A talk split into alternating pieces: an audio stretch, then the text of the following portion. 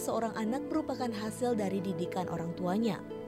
Diperlukan wawasan dan pemahaman orang tua terhadap tahapan atau fase-fase usia anak serta cara mendidiknya. Karena di setiap fase, di sana ada cara dan unsur-unsur yang harus ditanamkan dalam membentuk anak. Upaya menginstal akhlak mulia dapat dilakukan dengan memotivasi anak agar berperilaku baik, mendekatkan anak dengan hal yang positif, serta menasehati mereka dengan benar. Selain itu, kebersamaan dan kedekatan orang tua juga menjadi salah satu kunci sukses dalam menginstal akhlak anak.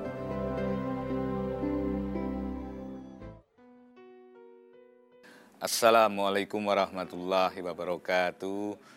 Pemirsa Pelita Hati yang saya cintai, yang saya muliakan, saya dan guru-guru saya datang lagi ke ruang tamu Anda di dini hari ini.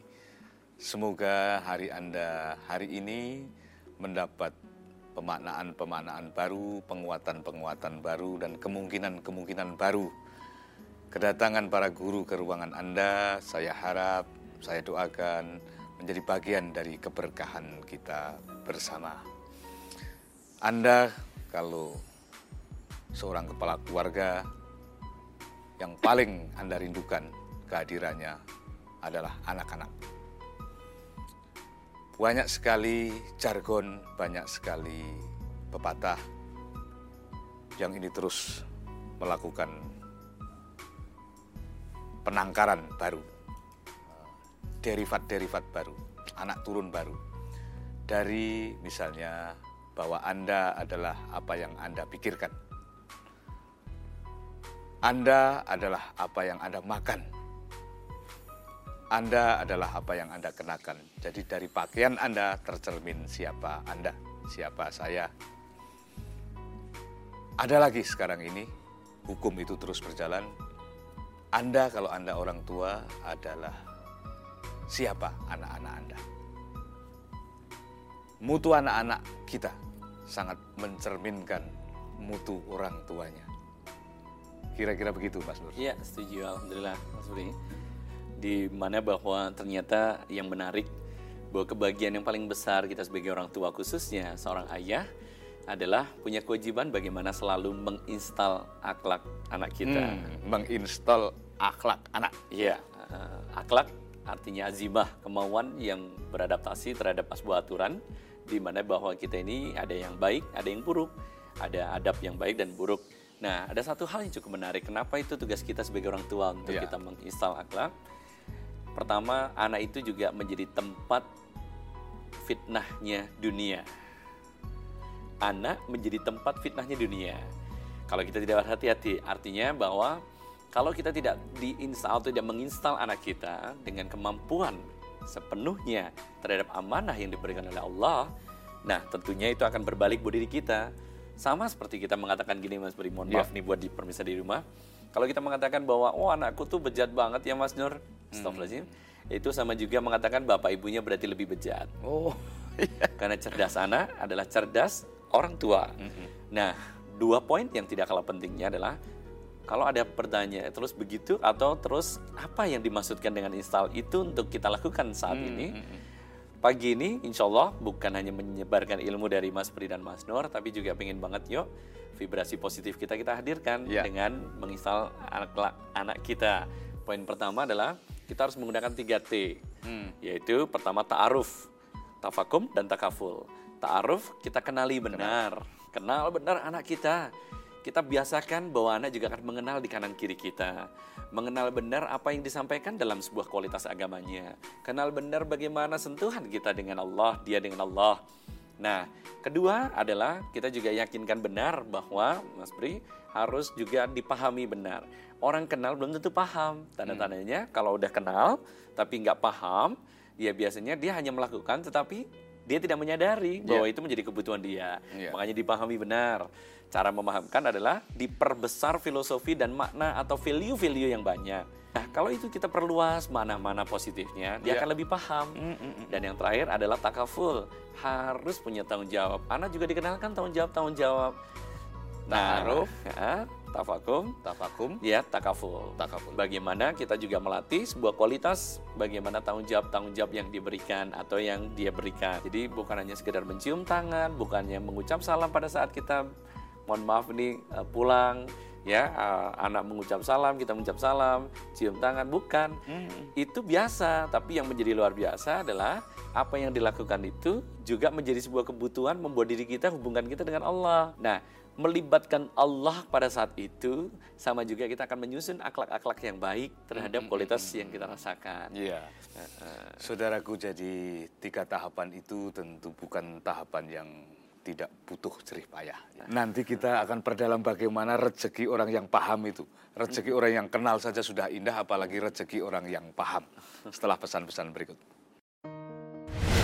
Kita ini kadang-kadang sibuk memfasilitasi diri. Tapi sebetulnya yang paling baik adalah biar Allah memfasilitasi pada saat kita memfasilitasi orang lain.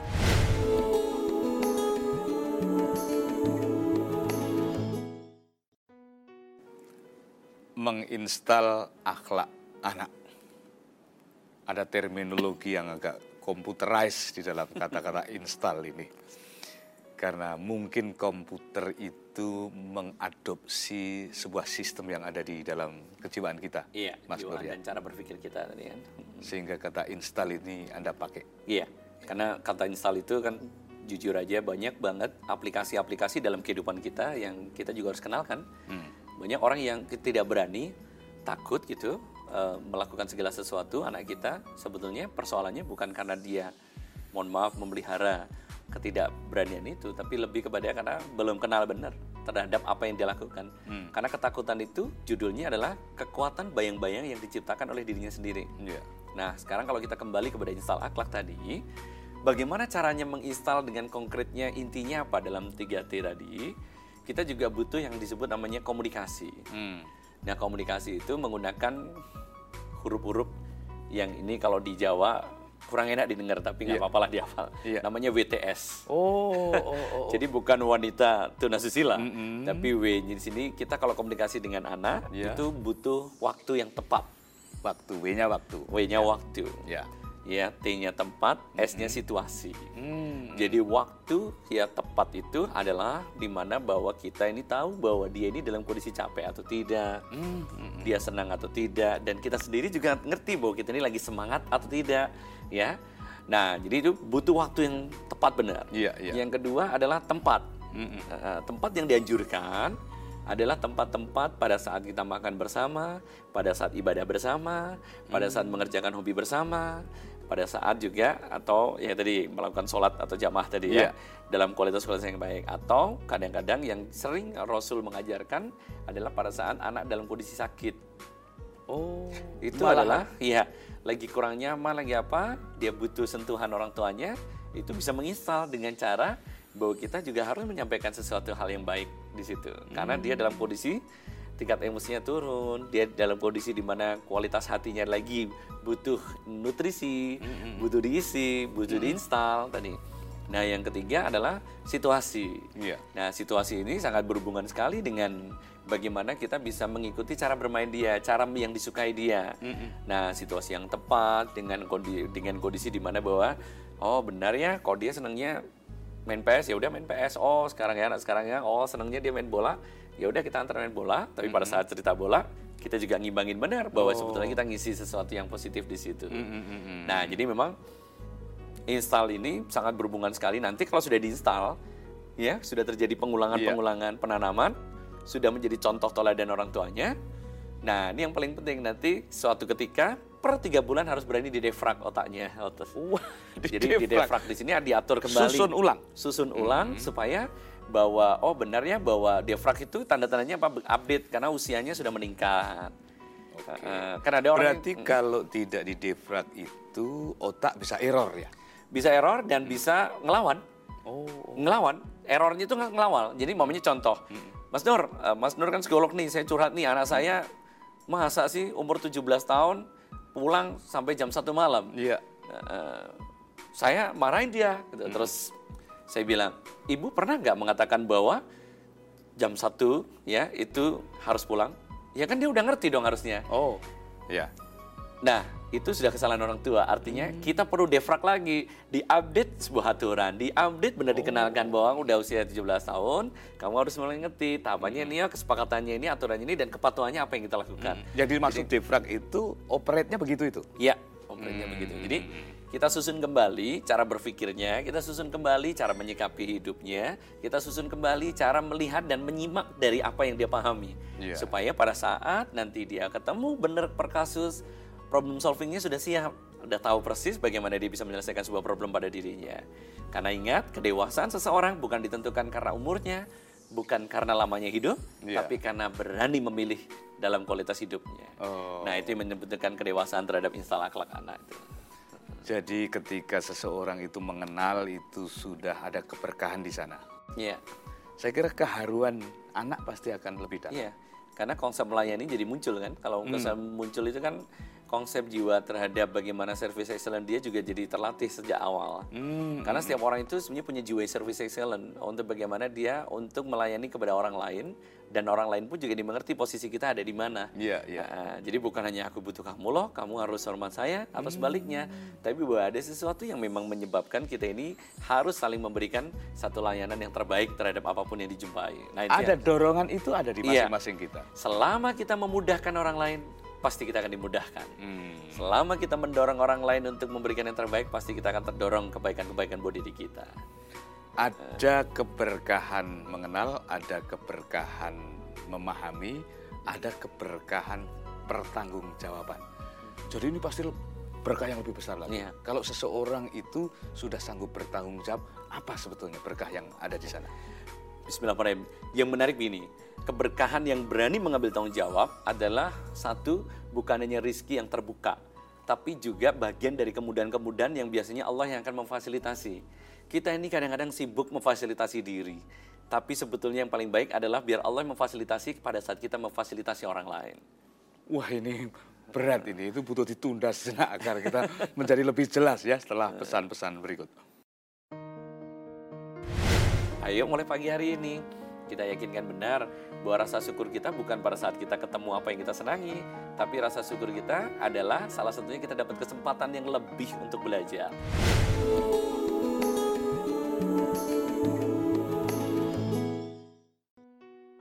Siapa Anda sangat bisa diidentifikasi oleh siapa anak-anak Anda.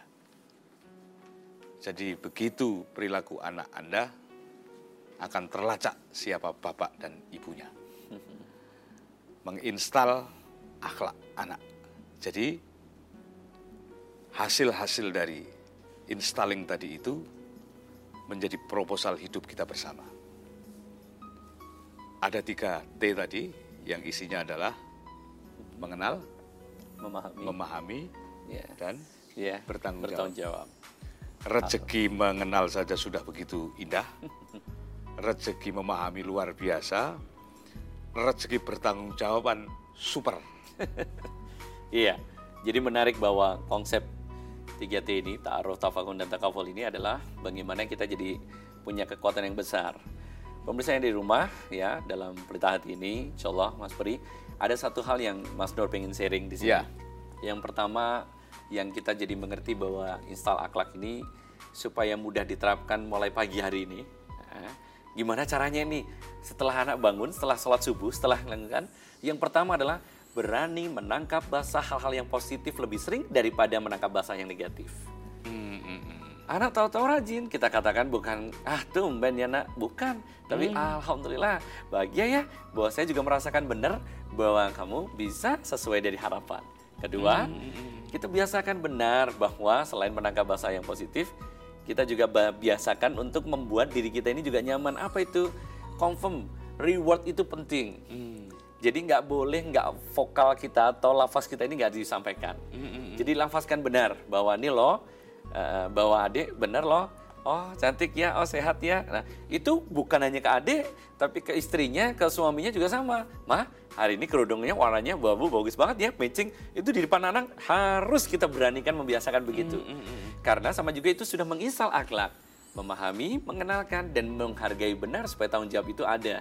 Yang setiap dia puji, yang setiap diakui, itu tetap keterlibatan dengan Allah. Hmm. Dan yang terakhir, ayo mulai pagi hari ini kita yakinkan benar bahwa rasa syukur kita bukan pada saat kita ketemu apa yang kita senangi, tapi rasa syukur kita adalah salah satunya kita dapat kesempatan yang lebih untuk belajar. Contoh hari ini, tahu-tahu dibuka channel Pelita Hati ya, Metro TV yang kita cintai, ada satu yang membuat kita menarik adalah nggak ada yang kebetulan ini, ada sesuatu yang harus disampaikan dalam istilah akhlak dengan ya mohon maaf nih kualitas yang kita obrolkan di sini kita sama-sama belajar. Ah bener nih kita lakukan yuk bahwa kita juga harus sebarkan kepada orang lain kita ajak yuk Insya Allah kita sama-sama ya di lain berikutnya Pelita Hati banyak yang nonton bukan karena acaranya baik atau tidaknya tapi banyak nonton karena kita sama-sama ingin menginstal sesuatu yang positif buat Mas Fri. Nah iya. kita doakan ya Amin. semoga ini menjadi sebuah kekuatan yang baik. Iya.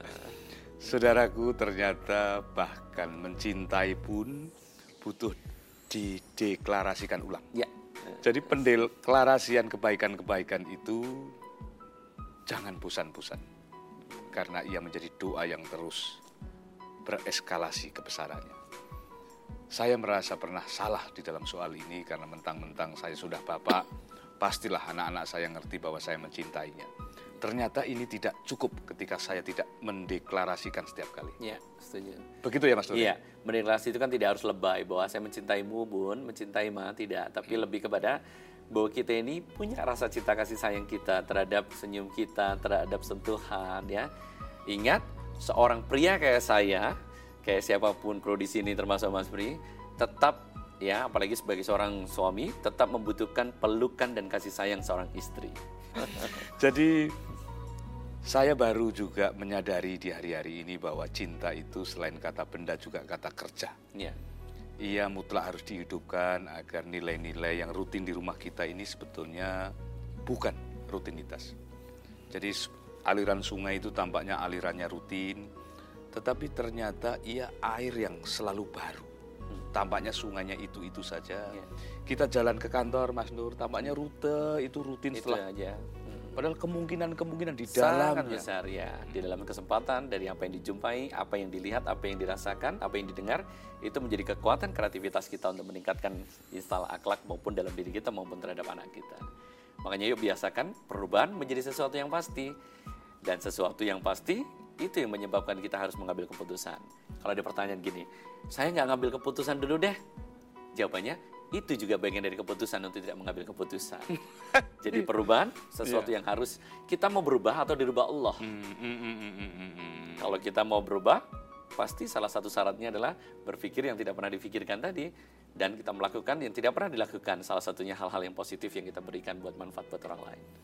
Salah satu lagi penambah agar install itu mencapai titik optimumnya ketika anak-anak melakukan kebaikan. Walaupun kebaikan itu rutin, setuju. cara kita memaknainya mungkin tidak boleh rutin. Iya, setuju. Pujian-pujian, harus butuh kreativitas. apre- apresiasi, apresiasi harus butuh Iya, kreativitas dalam menyusun kata, kalimat proaktif, tidak menggunakan reaktif. Eh, adik, pucet ya. Ini tanda loh, sebentar lagi adik punya rezeki istirahat aja. Nanti bentar lagi pasti kalau bangun sudah lebih seger loh. Lebih enak kan daripada kamu sakit loh. Mari kita bersama-sama menginstal akhlak anak Amin, karena anak-anak adalah wajah kita. Insya Allah kita akan ketemu di Pelita Hati episode berikutnya. Saya Pri GS. saya Nur Cahyo Adi Kusumo. Assalamualaikum warahmatullahi wabarakatuh.